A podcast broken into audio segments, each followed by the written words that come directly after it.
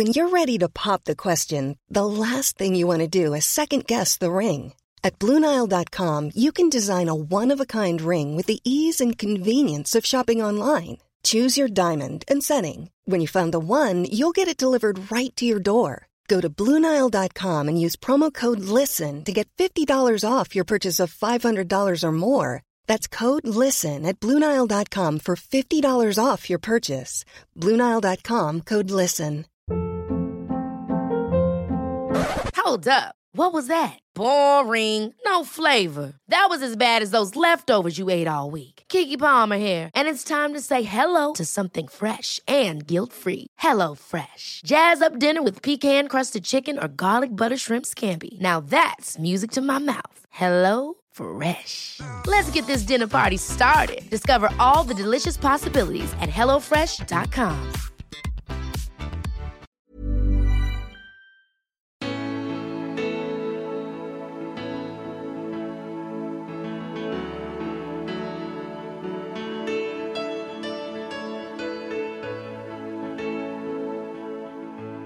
Det är nu exakt två år sedan Spännande möten startade med ultralöparen och hälsoinspiratören Frida Södermark som absolut första gäst. Första dagen hade hela 48 personer lyssnat och jag var supernöjd. Nu, 100 000 nedladdningar senare, ska du få lyssna på åtta riktiga godbitar från det senaste året. Dessutom kommer ett aldrig publicerat ihopklippt uppsnack med Jonas Trolle. Ni vet han som satte fast Kapten Klänning. Och inte minst ett smakprov ur en intervju med piloten Petter Hörnfeldt som kommer att publiceras på självaste julafton. Inte nog med detta, den 2 december lanseras Spännande möten 2.0. Nya bilder, ny musik, ny webbsida och en massa annat som förpackar och profilerar podden ännu tydligare. Dessutom ska jag anlita en av Sveriges bästa intervjucoacher, Eva Åberg, som ska utveckla mig i allt från upplägg av samtalet till att prata tydligt. Kommer bli hur läskigt som helst. Men själva kärnan, den byter jag givetvis inte ut. Långa intervjuer med spännande människor som får ta samtalet dit de vill och där det finns plats för följdfrågor och reflektion. Så, nu kör vi! Först ut är förra fotbollsproffset Mats Gren och hur han upplevde VM 1990. Du nämnde ju landslaget, det här berömda 1-2, 1-2, 1-2 Ja. VMet. Hur, hur, nu när det är, det är ju ändå 1990, vi pratar nu 20, 20 det är 30 år sedan alltså. Eh, liksom, hur, hur, skulle du reflektera tillbaka på det, på det VMet? Med de glasögonen som du har nu? Ja, jag är av en väldigt bestämd mening varför det gick som det gick. Det har jag ju egentligen alltid varit också. Och den är... Inombords liksom så här. Nej men på den tiden fanns det ju inga såna här gemensamma liksom tider. Så våran liga, typ i Schweiz och även i några andra, den, den rullade ju vidare. Så när vi hade sammandragning här för landslaget och väldigt långt före, vi var ju tillsammans här i Sverige, Stenungsund och på några ställen då liksom. Så rullade ju serien och även kuppen vidare, bland annat nere hos oss i Schweiz då. Och sen blev det ju lite grann så att vi, vi låg ju lite grann på träningsläger i ordets rätta bemärkelse med Olle Nordin. Vi tränade väldigt mycket och väldigt hårt. Så jag är ju ganska så klar på att laget var väldigt nedtränat när vi åkte ner till Italien. Vi var ju absolut inte i någon toppform. Uh, det, det vet man ju av erfarenheten idag självklart också, även om det kändes så redan då. Och sen var det ju lite liksom, vi hade ju några träningsmatcher innan vi åkte ner till VM. Och i de träningsmatcherna, förstår jag också, så ville ju Olle självklart också att de som säkert hörde till startelvan skulle spela så mycket som möjligt. Men vi som satt lite på bänken och säkert fick en del matcher där nere också, när vi kom ner och skulle spela matcher i Italien hade vi inte vi haft en match på sex veckor. Och det var ju också någonting liksom som man hade kunnat rädda lite grann bara för att jag var ju en så viktig del i vårt lag nere i Grasshopper så ledningen där var ju till och med beredd liksom att genom sponsorer liksom chartra ett litet jetplan, eh, komma upp och hämta mig, köra ner mig till matchen och köra upp mig direkt igen. Så jag skulle vara borta en dag, typ.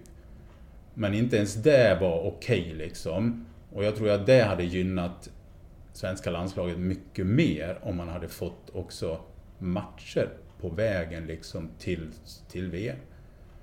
Uh, eh, och det hade nog gynnat flera av de spelarna som också var med i truppen om de hade då kunnat fått någon mer match på vägen. Plus att vi inte skulle ha tränat så otroligt hårt och så mycket som vi ändå gjorde. Det, det tror jag var den stora boven i dramat. Jag minns eh, det här eh, VMet eh, av flera anledningar, men en var liksom man, man sett hela tiden framför TVn och undrar när skulle Strömberg komma in? Mm. För varje gång Strömberg kom in så blev det plötsligt ett annat, en annan fart i spelet och han kom aldrig in förrän det var typ 15-20 minuter kvar. I varje match och då var det nästan redan, ja, inte kört men det var ändå, då hade man ändå, låg man i underläge.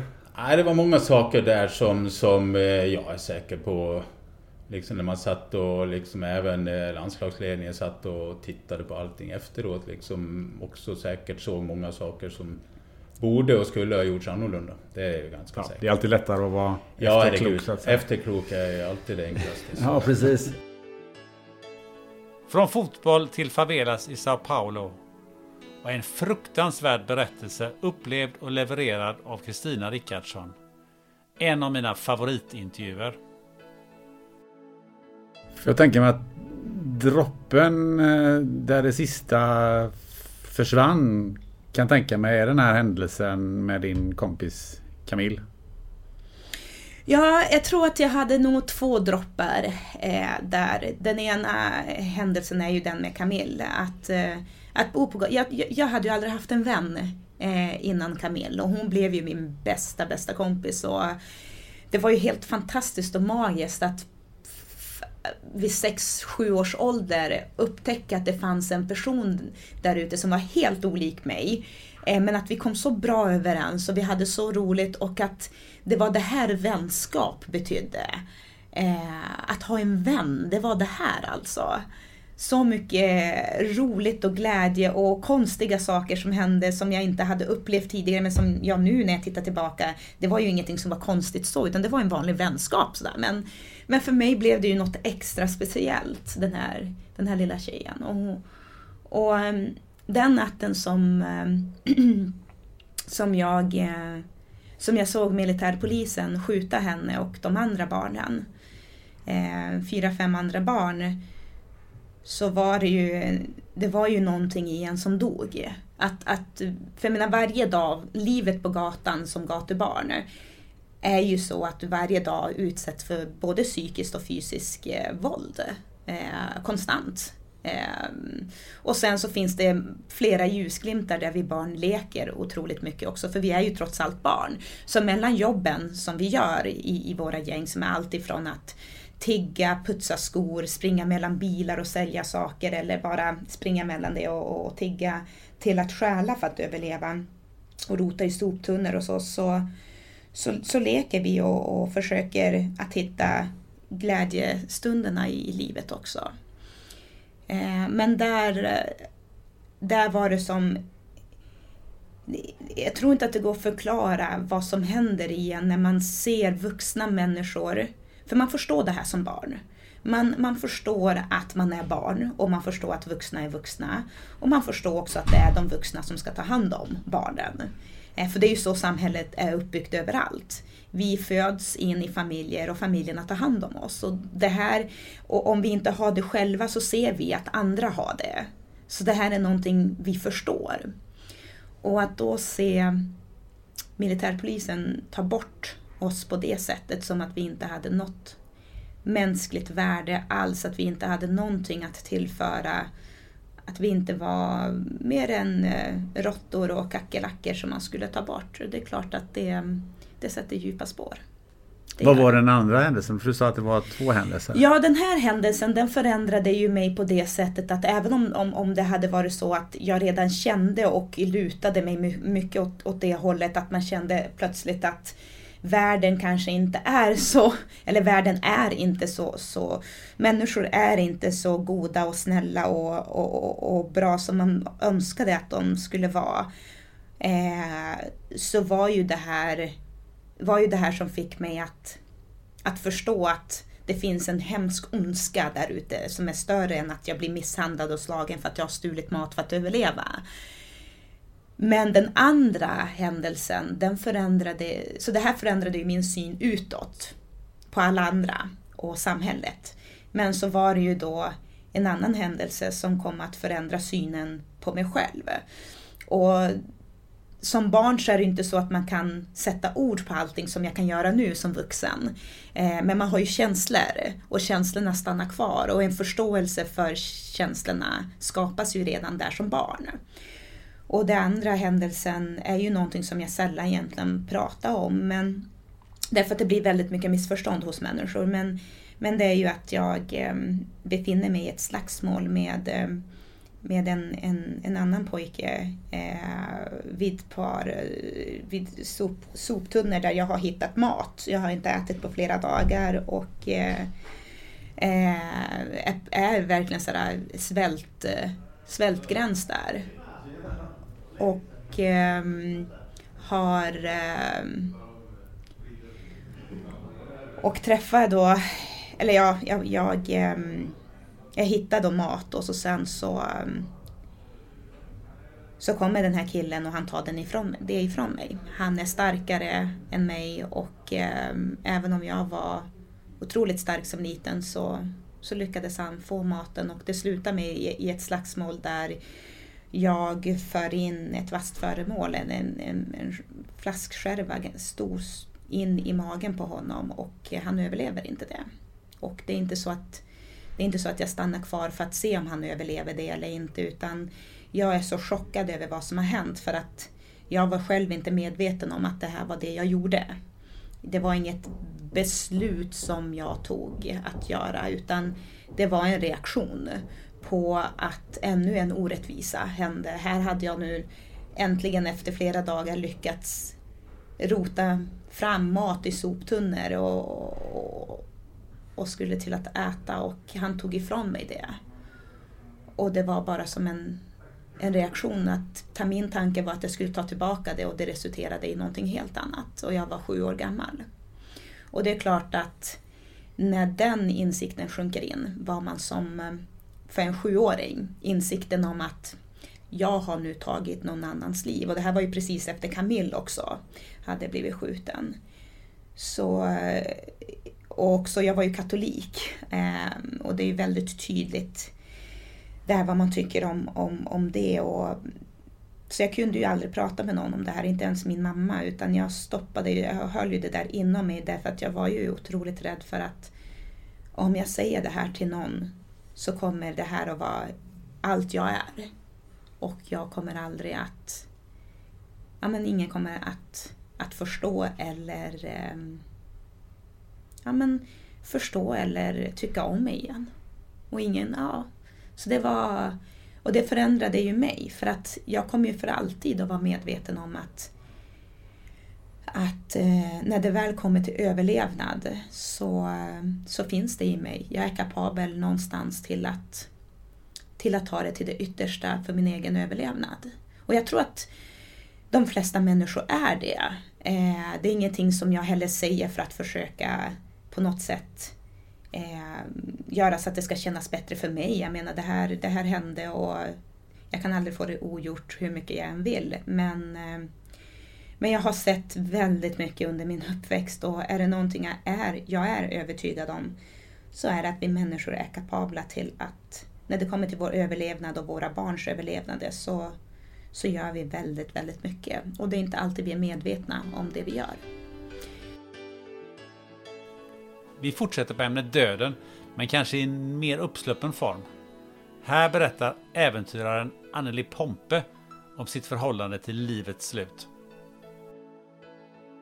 Men jag, jag har sett att du är rädd för en grej. Ja. I en intervju. Berätta. Ja, men du är rädd för att ligga på din dödsbädd och säga att du inte har gjort det du ville. Ja, men det är jag inte rädd för längre. Nej. har, du, har du gjort det du ville nu? Ja, ja. Du har liksom... Det, Nej, det finns såklart alltid mer saker jag vill göra. Men samtidigt så... Om jag fick reda på att ja men Anneli, du kommer dö im- imorgon. Så sa jag, ja ja, okej. Ja, jag gjort mycket. Eh, haft ett fantastiskt liv, det är okej. det är okej. Ja. Men hur har du kommit fram till det? Det måste du berätta.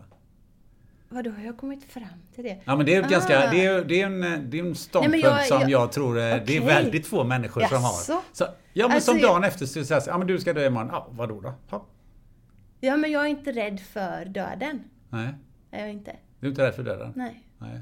Hur, hur blir man inte rädd för döden? Ehm, det här, jag tror att det är någonting som har uppkommit genom åratal av meditation. Faktiskt. Att... Hmm. Det är, det är så självklart att det, det, döden är något som kommer hända alla. Varför gå omkring och vara rädd för det? Ja men det är ju läskigt. Varför då?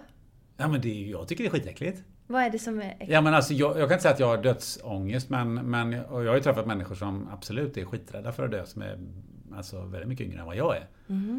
Men Eh. jag, jag undrar där om är det rädslan för... ehm, Ja men partyt är över. Men det vet man ju inte. Eller jag, jag tror att rädslan för att dö är rädslan för smärta. Och kanske att någon del av, av det som är jag kommer försvinna, men jag tror inte att jag kommer försvinna. Okej, och vad händer då? Mm, det blir en del av allting annat igen. Ja, kan Och du det utveckla inte- det lite? Ehm, nej, det kan jag inte. Ja men det, så är det, ibland tänker jag så här att eh, ja, men är, det, är det ett sätt att hantera döden som du, som du säger? Det finns många andra sätt att hantera döden. Alltså människor tror om livet efter eller själavandring Mm, precis. eller, eller vad det nu är för någonting. Men all, all gudstro bygger ju på någonting. Det är någonstans i botten för att man är man orkar inte ta in det här med döden för det är alldeles för jobbigt och så hittar man på ett sätt som, som gör att man, ja, man själen åker till himlen och där får man åka omkring på moln. Eller vad det nu än är. Det var ju många som har Ja, olika men jag, förklaringar. tror att man... Jag valde för, kan det vara nu, kanske... Inte, ja men ett tiotal år sedan när jag fridök som mest så insåg jag att ehm, jag, jag stoppades hela tiden för att dyka djupare. Och insåg att jag var rädd för att dö. Och det vart en eh, insikt. Och då uppkom en fråga i den insikten. Om jag är rädd för att dö, kan jag verkligen leva fullt ut? Och svaret på den frågan var nej. Och sen Sen tränade bestämde jag mig för att nej, jag ska inte vara rädd för att dö. Okej. Mm. För att det är som att, att leva hela livet men du, du har handbromsen på. Du ligger hela tiden och bromsar lite grann. För att det finns en rädsla som är så pass stor som ligger där bakom. Och det är ju det, är ju det enda vi vet helt säkert. Eh, En, en lärare som brukar säga det. Det är bara två saker vi vet helt säkert i livet. Det är att vi kommer dö och vi måste betala skatt. och de grejerna går ju inte att ändra på. Men skatteflykt har jag hört talas om, men dödsflykt har jag aldrig... Ja men dödsflykt kan säga att sluta vara rädd för den. Ja. Och det tror jag att du, du har ett val. Du föds inte med dödsrädsla, det är något du lär dig på vägen. Jag vet inte vem som har lärt dig det. ja men det är, väl, det är väl inte så konstigt. Det är ju, det är ju hela ens uppväxt och ens Ja men det samhället är kanske och så är någon vidare. slags egogrej liksom. Du är rädd att det som är du ska försvinna. Och vad är det, vad är det som försvinner? Nej men jag tycker bara att det, det är så jäkla kul så jag vill fortsätta ha kul. Jag vill inte Ja, att någon ja bara det är liksom, jag med på. Alltså, det, liksom, det, är ju, det är ju samma med mig. Jag vill ju heller inte att det ska ta slut för det finns väldigt mycket mer roligt att Ja. göra. Eh, Men samtidigt så är jag inte rädd för slutet. Jag tror man kan leva båda dem på en gång och jag tror att du kan leva bättre om du inte är rädd för det. Ja, för, för jag tror ju att eh, ja, men döden är som den är och det är inte någon, Det blir ingen själavandring eller något sånt där. Det är det är ju bara rullgardinen rätt ner så är det svart. Mm. Kolsvart. Så. Det är precis som att du blir sövd på, på en... eh, Ja men du ska in på en operation. Mm. Har Det du, blir har du blivit det? Ja, flera gånger. Ja. Det är bara kolsvart. Grejen är att man vaknar upp igen. Mm. Jag inte undrar om det kan ha något med kontrollbehov att göra. Att du liksom, det är den ultimata, släppa kontrollen. Ja, det kan vara så. Mm. Corona har ju varit och är fortfarande ett ständigt närvarande ämne. Här förklarar Kristina Rundkrantz, konsult i interkulturell kommunikation, varför Sverige hanterar krisen annorlunda. Vad, vad, vad tycker du i det här är mest slående? Mm. Ja, för mig är det ju faktiskt att jag, eller mm, att den här krisen synliggör så tydligt ursäkta mig, eh, att den så tydligt ty tydliggör eh, våra kulturella skillnader eller nationalkaraktärer som finns. Ehm, jag kanske drar paralleller som är för långtgående ibland, men om vi tittar på hur vi hanterade från början så ehm, kan man ju säga att ja, det beror på tillit. Vi har tillit från eh, samhället till myndigheter och från myndigheter till invånare och även den interpersonella alltså tilliten mellan människor. Visst, den, den hjälper ju till. Men det har ju Norge också, enligt forskningen. Ehm, så det måste bero på andra saker som gör att svenskarna sticker ut i vårt hanterande. Och då har jag lite olika idéer om detta. Dels är det då tilliten och sen är det att vi har en tilltro till eh, expertisen. Vi är ju extremt faktaorienterade som den större delen av Nordeuropa är. Och sen har vi ju rent politiskt, naturligtvis har det politiska ekonomiska Eh, parametrar också att ta hänsyn till och jag diskuterar ju faktiskt bara de kulturella parametrarna som dessutom då naturligtvis påverkar både politik och ekonomi, eller om det är omvänt. Ehm, men vad jag menar då att vi har en extrem tillit till expertis och fakta och dessutom systemet i sig när vi har Folkhälsovårdsmyndigheten som sitter på expertisen så litar vi på det och vi tycker att det är bra att det inte är ett politiskt beslut. Vi känner oss trygga med det om vi generaliserar. Jag får, får jag lov att generalisera? Absolut. Ja, bra, för annars kan jag inte fortsätta. Nej. för generalisering innebär ju att jag ser det som ett, något kollektivt eh, beteende. För kultur är ju kollektivt. Sen finns det undantag, vi kanske är undantag mot, till vår nationalkaraktär. Men eh, generellt sett så är svenskarna faktaorienterade och vi tycker vi är helt trygga med att eh, det inte är då ett politiskt beslut. Och sen vill vi inte ha de här att en tilltro till en stark ledare, det är ju någonting som vi ser världen över. Att folk vill ha en stark ledare. Men det är ju inte det som prioriteras, prioriteras i Sverige. Eh, inte det att vi vill ha en svag ledare, men vi vill ha en ledare som delegerar, lyssnar på andra, eh, helt andra eh, karaktärsdrag. Och det betyder att den här signalpolitiken som vissa starka ledare då vill framföra, det accepteras ju i andra länder, men det gör det ju inte i Sverige. Vi tycker att det är mycket snack och lite verkstad. Eh, och så tänker jag också på hur man kan se då att ledarskap inte är universellt genom att eh, ta en sån som Trump till exempel nu som rekommenderar eh, munskydd. Han rekommenderar det och så säger han samtidigt att jag kommer inte att bära munskydd. Om Löfven gick ut med en rekommendation, för det första så är ju en rekommendation i princip eh, en lag nästan, en informell lag. Eh, man förväntas eh, lyda.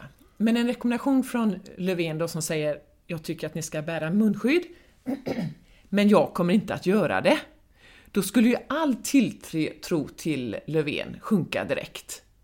För han är ju en av oss, han måste naturligtvis göra det han säger.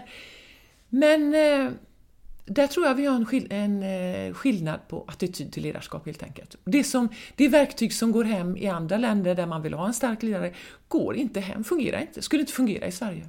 Nej, för man kan ju se här att eh, man rekommenderade folk att stanna hemma och jag läste att eh, nu under påsk, mm.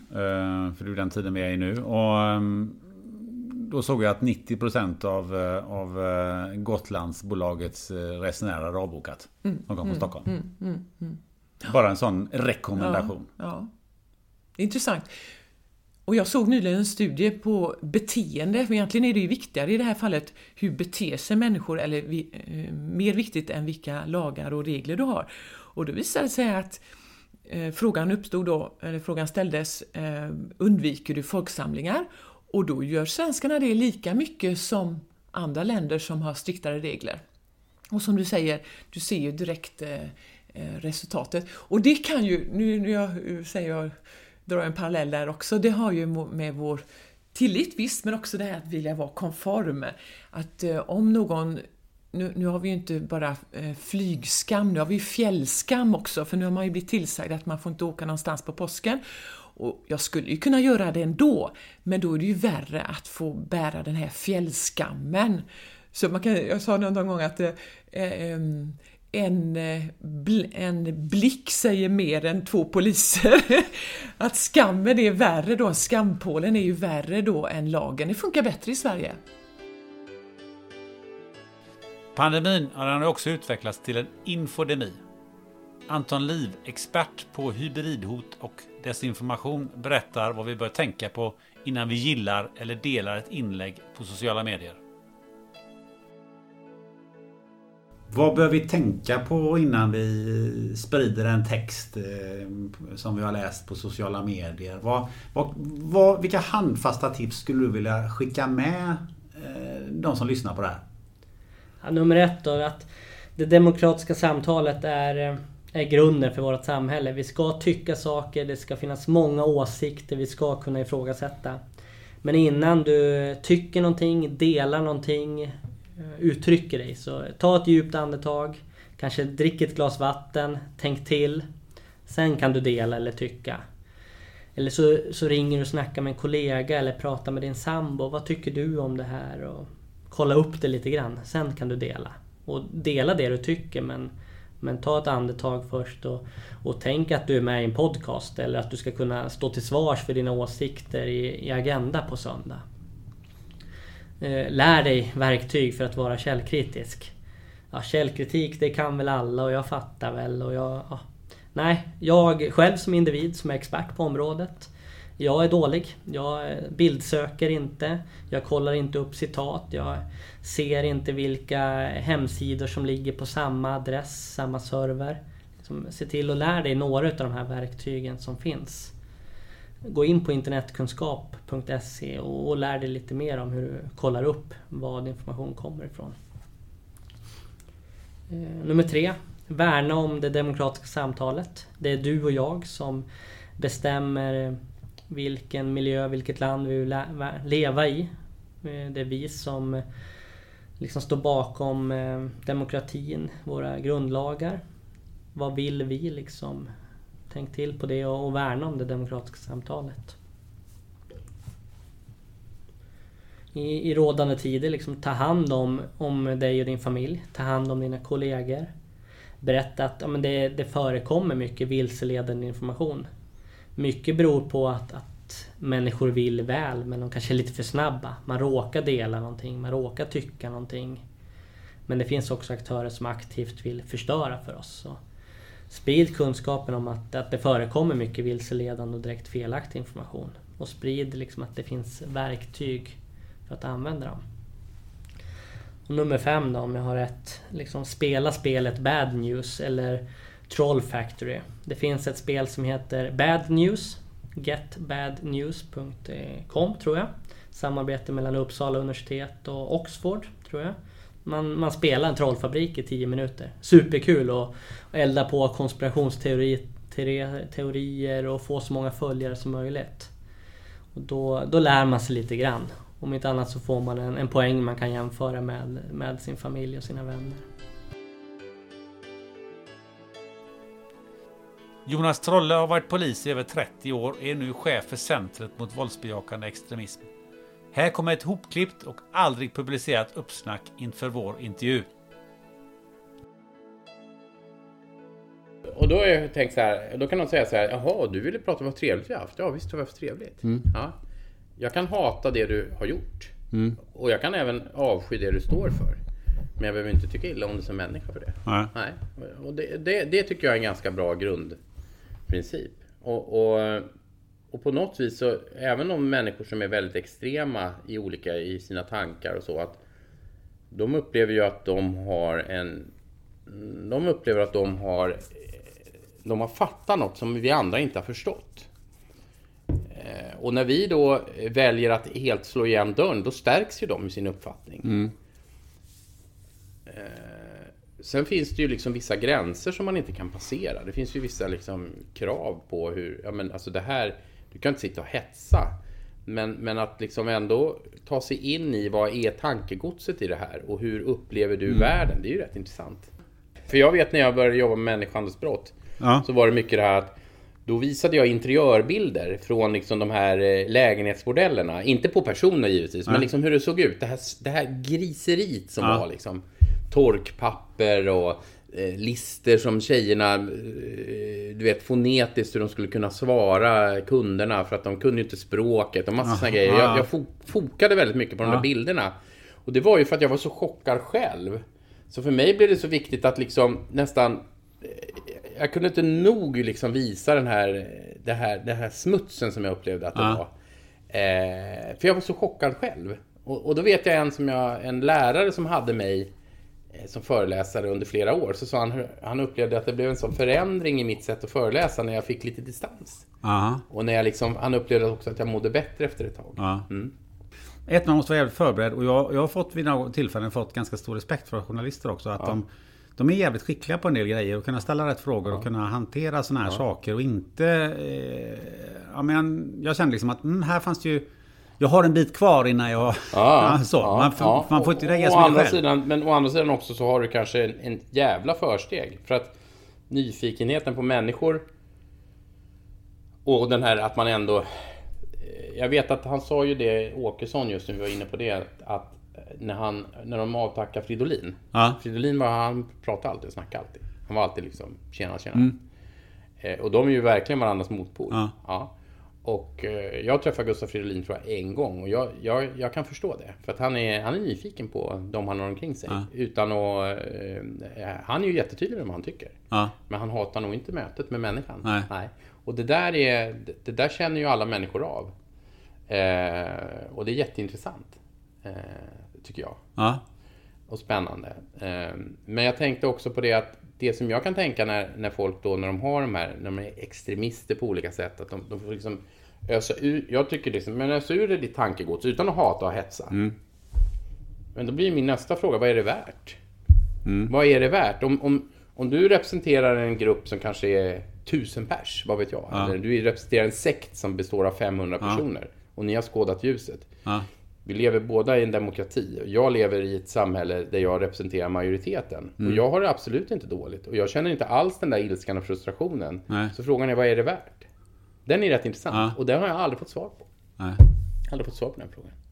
Aldrig. Vad är det värt att vara Ja, alltså? ja, vad är det värt att vara så här? Eller vad är det värt att vara yrkeskriminell och, och leva i tron att en vacker dag så ska jag, så ska jag bli den här stora Ja. eh, superbusen med untouchable med massa pengar och du vet rikedomar. Vad är det värt? Du kommer ju aldrig komma dit. Statistiskt sett så blir du 34 år. Så vad är det värt? Ja. Och de kan inte svara på det. Nej.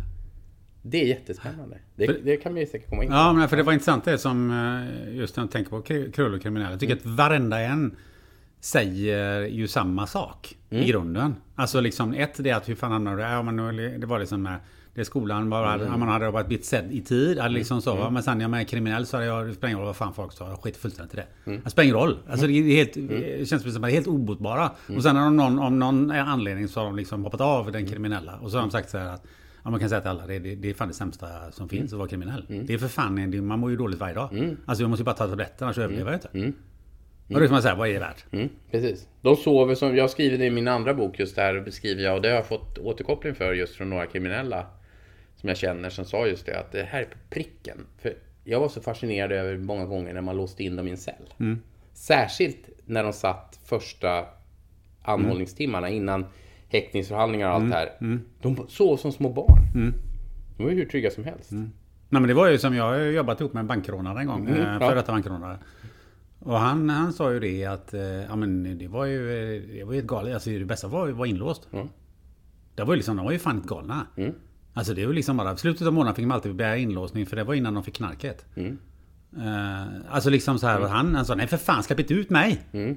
Det var... Jag vill vara i lugn och ro. Precis. Ja, när vi nu är inne på brottslighet och extremism. Varför inte lyssna på Camilla Kroneld som jobbat på Säpo och jagat terrorister? Om man tar då den typen av terrorism som, som du eh, eh, jobbade med. Hur, hur blir man terrorist? Hur man blir terrorist. Eller varför blir man ja, terrorist alltså, kanske? Det här är min personliga... Ja, och många andras tror jag. Eh, Det är ju så att det handlar ju om ett... Antingen ett, ett, att, att man har varit ett utanförskap. Eller att man, man vill identifiera sig med någonting. Antingen så har man liksom växt upp i en väldigt religiös familj och har det här från början. Men till exempel de som rekryteras till exempel i Sverige, jag vet inte om du såg den här filmen nyligen på TV, den här serien? Kalifat. Kalifat, Just det. Ja. Eh, Och det, det är just det här sökande, och det, det är det man pratar också inom alla religioner, att det finns ju sökare. Ehm, Och att man söker sig till en gemenskap. Det finns en, kan tänka dig Pelle, 14 år, känner sig ganska mobbad i skolan. Han känner sig, eh, han har ingen flickvän, alla andra har flickvänner. Han har jobbigt och trassligt hemma. Föräldrarna kanske inte har så bra ekonomi, alla andra får göra allting. Och han är mobbad utanför. Sen helt plötsligt så kommer Livets Ord och knackar på. Kom in i kärleken och varma gemenskapen. Här tar vi hand om dig. Och mycket så är det här, plus att de bygger upp, de bygger ju upp ungdomar i deras ideologi och får dem att känna sig bekräftade och värdefulla. Precis som en arbetsplats kan göra. Eller studier. Eller en, en, en, en fredlig religion. Eller ett alltså MC-gäng gör ju precis likadant, fast de är lite mer brutala i och för sig. Men det är också den här gemenskapen. Nu är det en av oss.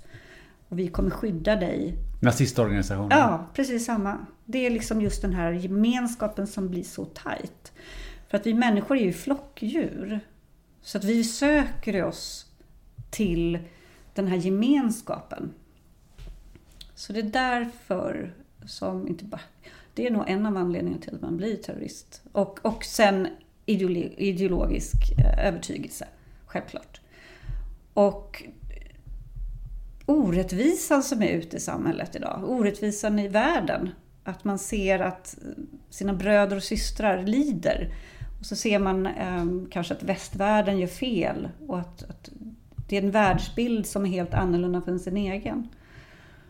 Men eh, skulle du med ledning av det här säga att det här med utanförskap är en av de största orsakerna till Ja, jag tror Att att, vi, jag eh, tror att det är en av de största orsakerna till. Och att moskéerna eh, fångar upp dessa vilsna själar. Som inte alls har uppsåt i början. De kanske bara söker sig till tryggheten i religionen och moskéerna kan, kan ge det. Jag säger inte att alla moskéer är, är rekryterande till terrororganisationer men det, det finns ganska mycket nu. Hur är det egentligen? Gillar vi att bli lurade? Superpopuläre psykologen Magnus Lindvall förklarar hur det kommer sig att vi tror på omgiven av idioter och andra irrläror. En höjdarintervju om du frågar mig.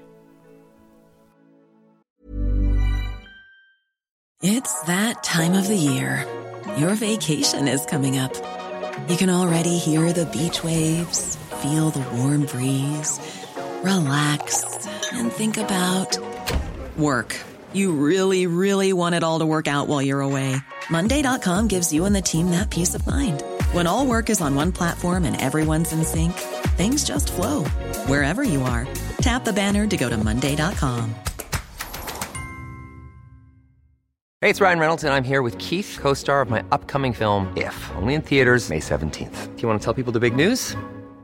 All right, I'll do it. Sign up now and you'll get unlimited for $15 a month in six months of Paramount Plus Essential Plan on us. Mintmobile.com slash switch. Upfront payment of $45 equivalent to $15 per month. Unlimited over 40 gigabytes per month. Face lower speeds. Videos at 480p. Active Mint customers by 531.24 get six months of Paramount Plus Essential Plan. Auto renews after six months. Offer ends May 31st, 2024. Separate Paramount Plus registration required. Terms and conditions apply if rated PG. Ever catch yourself eating the same flavorless dinner three days in a row? Dreaming of something better? Well, HelloFresh is your guilt-free dream come true, baby. It's me, Kiki Palmer. Let's wake up those taste buds with hot, juicy pecan-crusted chicken or garlic butter shrimp scampi. Mm. Hello Fresh. Stop dreaming of all the delicious possibilities and dig in at HelloFresh.com. Let's get this dinner party started.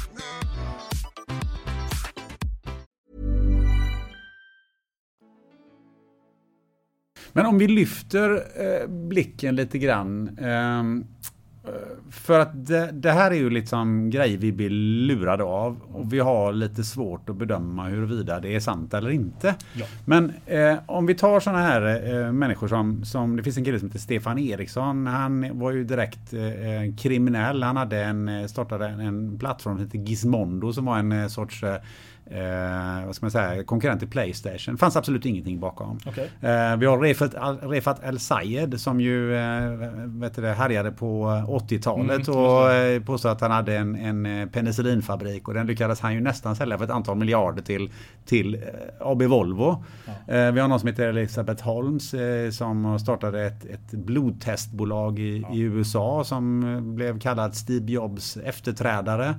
Och så har vi då sådana som Thomas Eriksson Eriksson och andra som också tjänar gigantiska pengar eh, och Tony Robbins och så vidare. Men eh, vad jag vill komma till är liksom så här, vi människor gillar vi lite grann att bli lurade?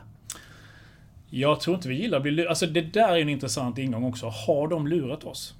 Jag såg då den här dokumentären på HBO The Inventor om Elizabeth Holmes. Det här med blod. Den mm. här, den här det, Eh, Eh, bandaget, eller vad heter det? Eh, plåstret som skulle kunna mäta blod och allting där. Och en fråga jag funderade på längs med resan. Var någonstans visste hon själv att det här var fejk? Visste hon det från början? Jag tror inte det. Jag misstänker att hon trodde på idén så mycket från början. Men någonstans längs med resan så måste hon insett att det här är ett luftslott som inte håller. Alla de du, du, du beskrev här nu. Eh, var, vet de själva att de luras? Är de Snake Oil Salesmen som förr i tiden i USA reste runt på häst och vagn och sålde de här mirakellösningarna. Som förmodligen visste att det här är ju inte, det här tror inte jag på heller. Eller på något sätt köper de det här själva. Det är ju det som är den intressanta frågan. Lurar de oss medvetet? Eller helt enkelt är de också lurade själva? Jag tror om man ska titta på psykologi och det som, vi skriver, det som jag skriver mycket om i boken är att mekanismerna bakom det handlar rätt mycket om att de själva inte har koll. Man saknar kunskap eller kompetens själva. Man kommer liksom utan egentligen någon kunskap på ett område. Man kastas in och man tror man vet mycket mer än man vet. Det är ju det här begreppet, eller den här effekten som heter Dunning-Kruger-effekten som man pratar ganska mycket om ibland. Som har att göra med att man man saknar kunskap eller kompetens inom ett område och tack vare att man saknar kompetens och, och eh, kunskap så vet man inte heller om det som man inte har. Man saknar en självinsikt. Man, är liksom, man kan säga det, det är inkompetensens dubbla förbannelse. Dels är du sämre på någonting eller dålig på någonting. Och dels vet du inte om att du är dålig. Och därför så har du också väldigt svårt att ta till dig kritik. För att du vet ju inte det du saknar. Det är ju ett problem. Ju mer man läser på högskola och universitet, våra studenter känner sig lite grann förvirrade än de, de som sitter där och lyssnar på forskning efter forskning efter teori. Till slut så liksom vet ju inte de vad de ska tro på. De är, liksom så här, de är förvirring på en högre nivå, säger man. Men det är ju liksom på något sätt motsatsen, man blir väldigt ödmjuk. Det som saknas i de här som du nämner, de här namnen och många andra, är ju att det saknas en ödmjukhet. Man är dödssäker på saker och ting. Det här kommer att funka, det här kommer att sälja, man har lärt sig det. Det finns inga tveksamheter i det här överhuvudtaget. Och är det tveksamheter så är det väldigt, väldigt försiktigt i det finstilta. Man är så säker på sig själv att det här ska funka. Just för att man förmodligen har en väldigt grund kunskap eller kompetens inom det här området. Elizabeth Holmes uppenbarligen hade inte så bra koll på själva det som produkten skulle handla om. Det framkommer ju i den här dokumentären när man pratar om de som har forskningsassistent och jobbar i labbet att hon hade ju verkligen inte koll på det här Hon kunde inte se på det här nyktert. Thomas Eriksson, jag har ingen aning vad han har, jag tror inte han har någon utbildning, men han har uppenbarligen ingen koll på psykologisk forskning överhuvudtaget. Och då är det väldigt svårt för han också att kunna se nyktert på sin egen produkt. Samma sak med Annika Malmberg, de här, de verkar inte ha någon kompetens överhuvudtaget när det gäller just psykologisk forskning. Och det är svårt som 17. Det kräver lång erfarenhet. Jag skulle aldrig ge mig på att bygga en altan lite på skoj. Jag har ju fem fingrar på varje tumme och smygfuska i det. För det kräver liksom att man har lite koll, man har lite känsla, man har utbildning och erfarenhet av det här. Men när det gäller psykologi och mycket annat så är det fritt fram liksom att småfuska. Och har man inte koll från början så vet man inte heller om att man har koll. Så jag tror mycket mer, lång utläggning här.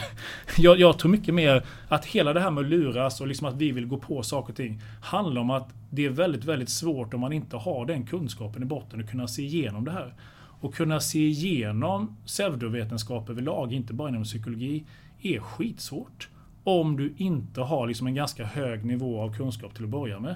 Därför så är jag också väldigt jag tycker det är jättebra att man pratar om att vi ska ha mer kritiskt tänkande i skolan. Det här med fake news, vi måste förbereda oss mot det här. Jätteviktigt.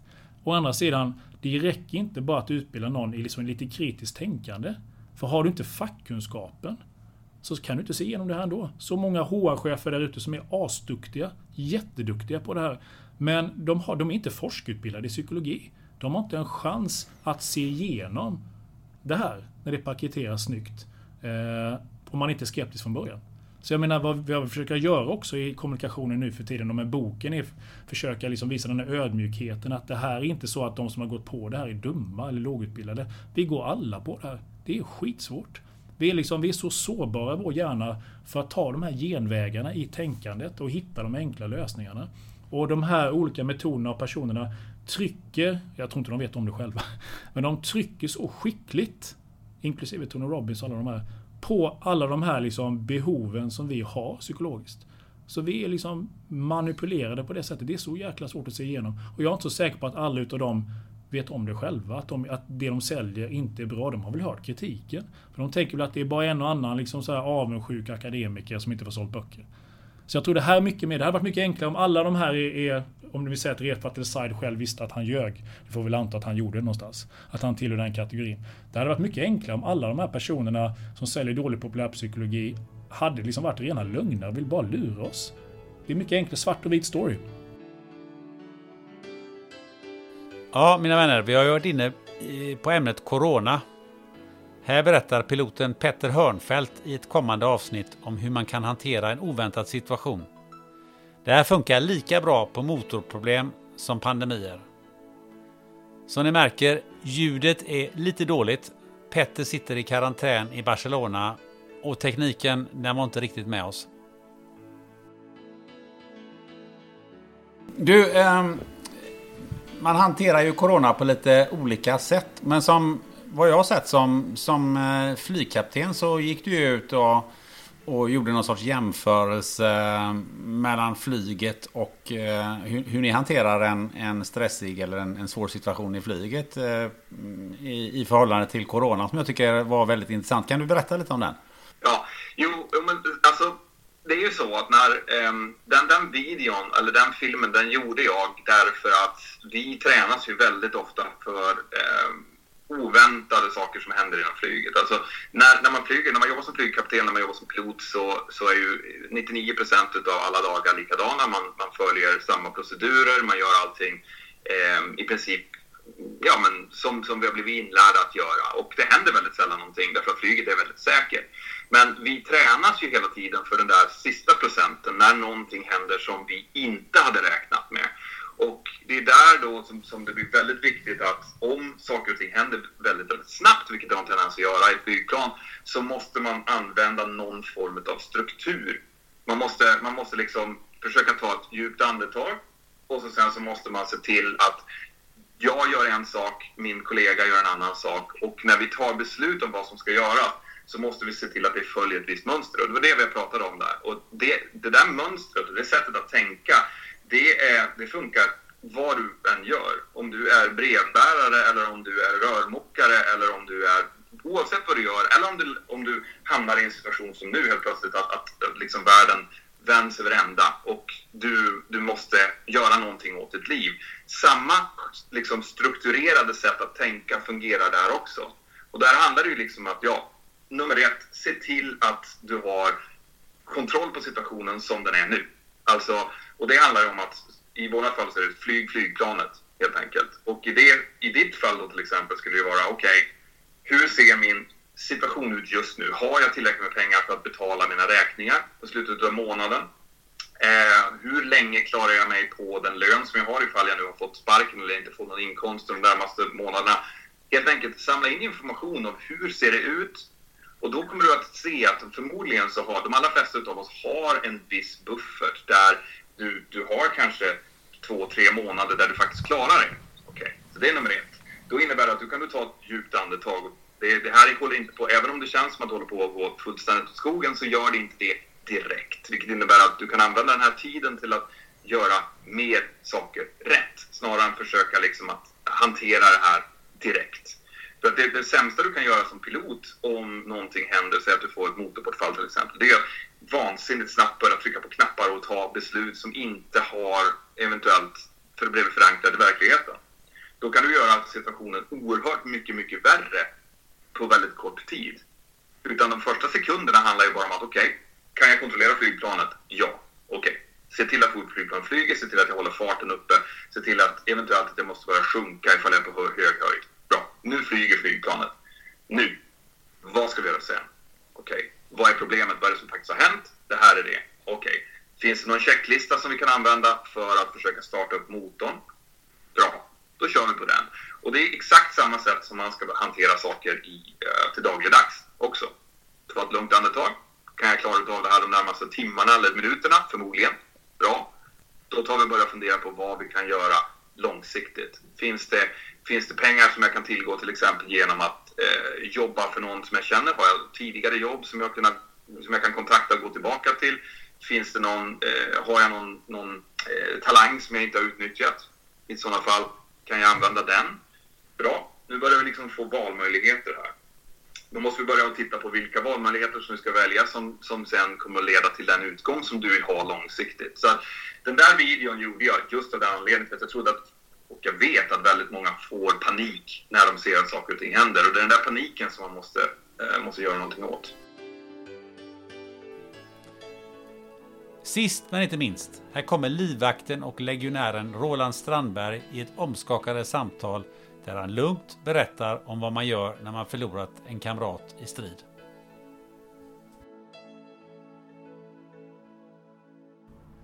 Men eh, nu har vi varit inne på de här olika grejerna och, och vi kollade ju på lite både bilder och lite filmer innan, eh, innan vi började här. Ja. Eh, som du också visade när du var dina föredrag. Ja. Eh, och det är ju ganska, eh, vad ska man säga? Re, re, det är viss realitet i den kan man väl, realism i dem kan man väl milt sagt säga. Ja. Precis, så här var det. Ja. Eh, hur, ehm, eh, hur påverkades du utav alla de här grejerna? Tycker du själv så här när du ser dig lite i backspegeln? Jag vet inte. Man värdesätter livet. Livet här hemma mycket, mycket mer. Det gör man ju. Vad var det vad, vad, under den här perioden då? Det var både i, i förra Jugoslavien och i Afghanistan och, och de andra ställena. Vad, kan du, vad var det värsta du, du såg? Ah, Det är ju alltid när barn far illa tycker jag. Det, det, är, det är det svåraste. Man ser skadade barn som gråter med brännskador och skottskador och allting. De är ju helt o... De har ju inte en aning om vad som händer. Så det är Mm. jobbigt. Hur plockar man liksom bort de här känslorna när man... För någonstans måste du ju agera professionellt om man nu ska uttrycka sig på det Ja. sättet. Jo, men det gör man ju. Det, det blir ju... Det går på automatik allting. Men vad händer efteråt då? Det beror på. Har- När kollegor har skjutits ihjäl och sånt där. Man tar en öl. Det är bara så? Ja, vi tar en öl för dem tillsammans. Vi som är kvar då. Det måste man göra. Men det är många som har tagit livet av sig nu på senare. Som efter, när de har kommit hem. Ja, för man hör ju eh, framförallt amerikanska eh, soldater som har varit i Irak och även Vietnam och Ja. så. Får ju eh, ruskiga följder när de kommer hem. Även om de har varit hela, fysiskt hela. Ja, och på plats också. På plats också? Ja, ja, ja. Vi satt och väntade på helikopter ibland. Rätt som så small det så var det någon som skjuts i huvudet. Oftast amerikan, amerikanska soldater. Ibland var det två samtidigt. Alltså. Som sköt sig själva? Ja. Så då jänkarna skickade dit en gammal sergeant. Han som bildade MASOK. Vad är MASOK? Sergeant Major. Det är deras nyaste specialförband, marinkåren. Han flög runt från patrullbas till patrullbas. Han kom ju till en bas jag låg på också då. Bara för att snacka med framförallt unga amerikanska soldater då. För att få dem. För att försöka få ner antalet självmord. Och jag har min egen teori om detta. Och den är? Uh, jänkarna gör ju inte som europeiska förband. Vi försöker, eller förs- nu vet jag inte men både britter, fransmän och svenskar och så. När jag var i det militära då. Varannan månad eller så så får en pluton ledigt. Så att de har en dag ledigt, så på kvällen kan de fästa till det. För äldre karlar har det ingen betydelse men de yngre måste ha en säkerhetsventil tror jag. Släppa på stressen. De festar till det och så är de lediga dagen efter och har ingen tjänst. Och sen fortsätter de jobba. Jag tror det är en jätteviktig säkerhetsventil.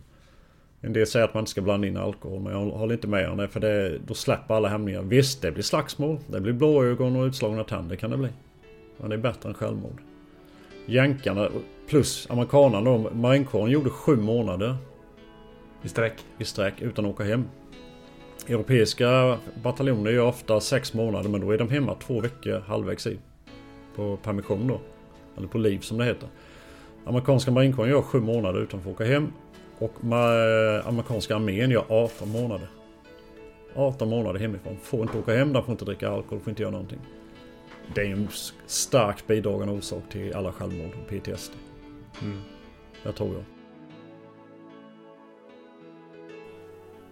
Hoppas du har njutit av de här små klippen och kanske lyssnar om avsnitten eller tar igen det du har missat.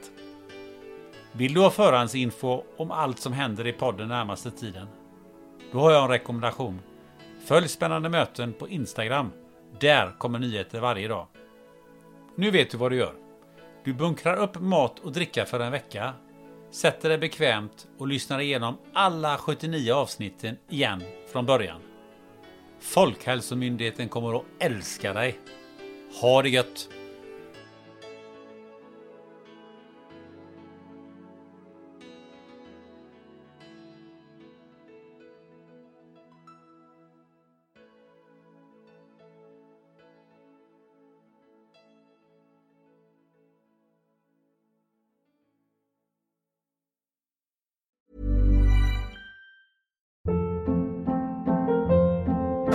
Hold up. What was that? Boring. No flavor. That was as bad as those leftovers you ate all week. Kiki Palmer here, and it's time to say hello to something fresh and guilt-free. Hello Fresh. Jazz up dinner with pecan-crusted chicken or garlic butter shrimp scampi. Now that's music to my mouth. Hello Fresh. Let's get this dinner party started. Discover all the delicious possibilities at hellofresh.com. Planning for your next trip? Elevate your travel style with Quince. Quince has all the jet setting essentials you'll want for your next getaway, like European linen, premium luggage options, buttery soft Italian leather bags, and so much more. And is all priced at 50 to 80% less than similar brands. Plus, Quince only works with factories that use safe and ethical manufacturing practices. Pack your bags with high-quality essentials you'll be wearing for vacations to come with Quince. Go to quince.com/pack for free shipping and 365-day returns.